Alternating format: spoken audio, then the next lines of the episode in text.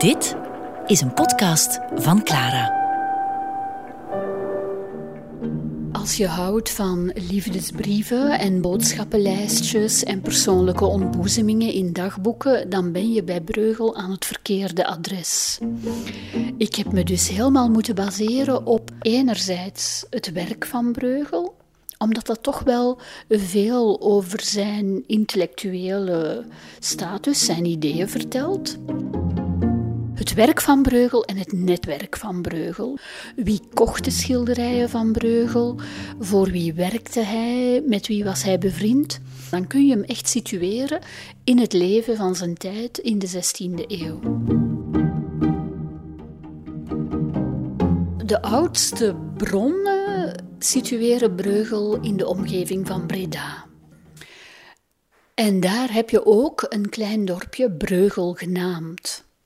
Dus misschien is Breugel zijn familie uit dat deel van Brabant afkomstig, het huidige Son en Breugel.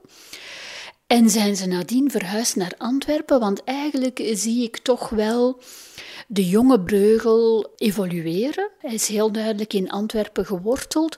We weten ook niet echt bij wie hij heeft leren schilderen, maar hij voltooit zijn opleiding bij een belangrijke kunstenaar in Antwerpen, Pieter Koeken van Aalst. Recent is uh, er een theorie opgedoken dat de ouders van Breugel echt uit Breda afkomstig zouden zijn en zich omstreeks 1540 in Antwerpen zouden hebben gevestigd.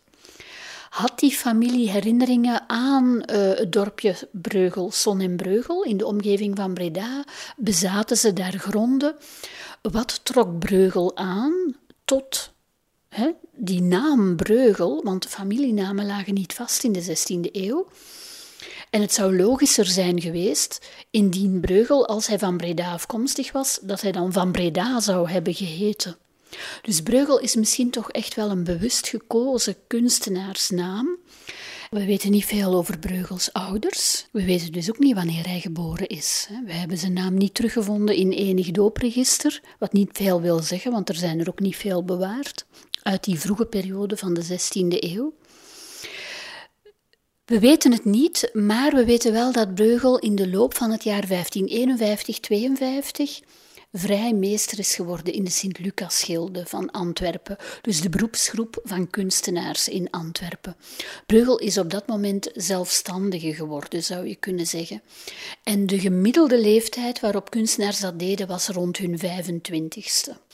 En ja, wanneer hij overlijdt in 1569, dan klagen heel veel vrienden toch dat hij ook jong, te jong gestorven is. Dat hij dus maar in de veertig was eigenlijk.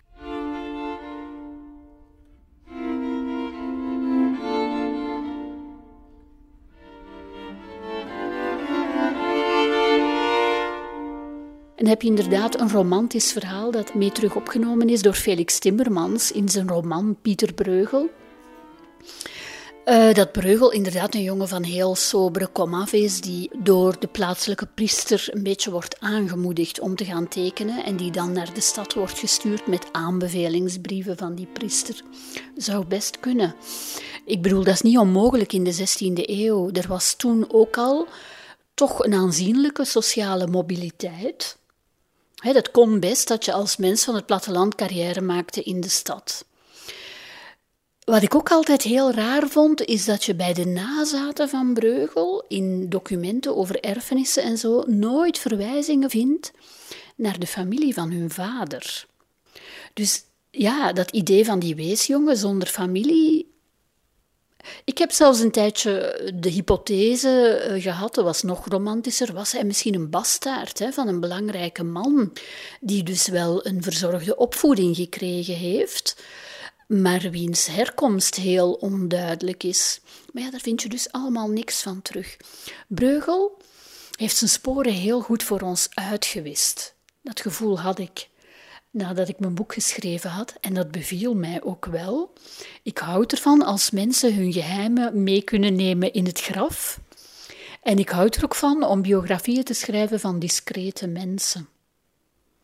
Dat vraagt extra speurwerk en terwijl je bezig bent, apprecieer je op een bepaalde manier ook hun uh, discretie. Hè?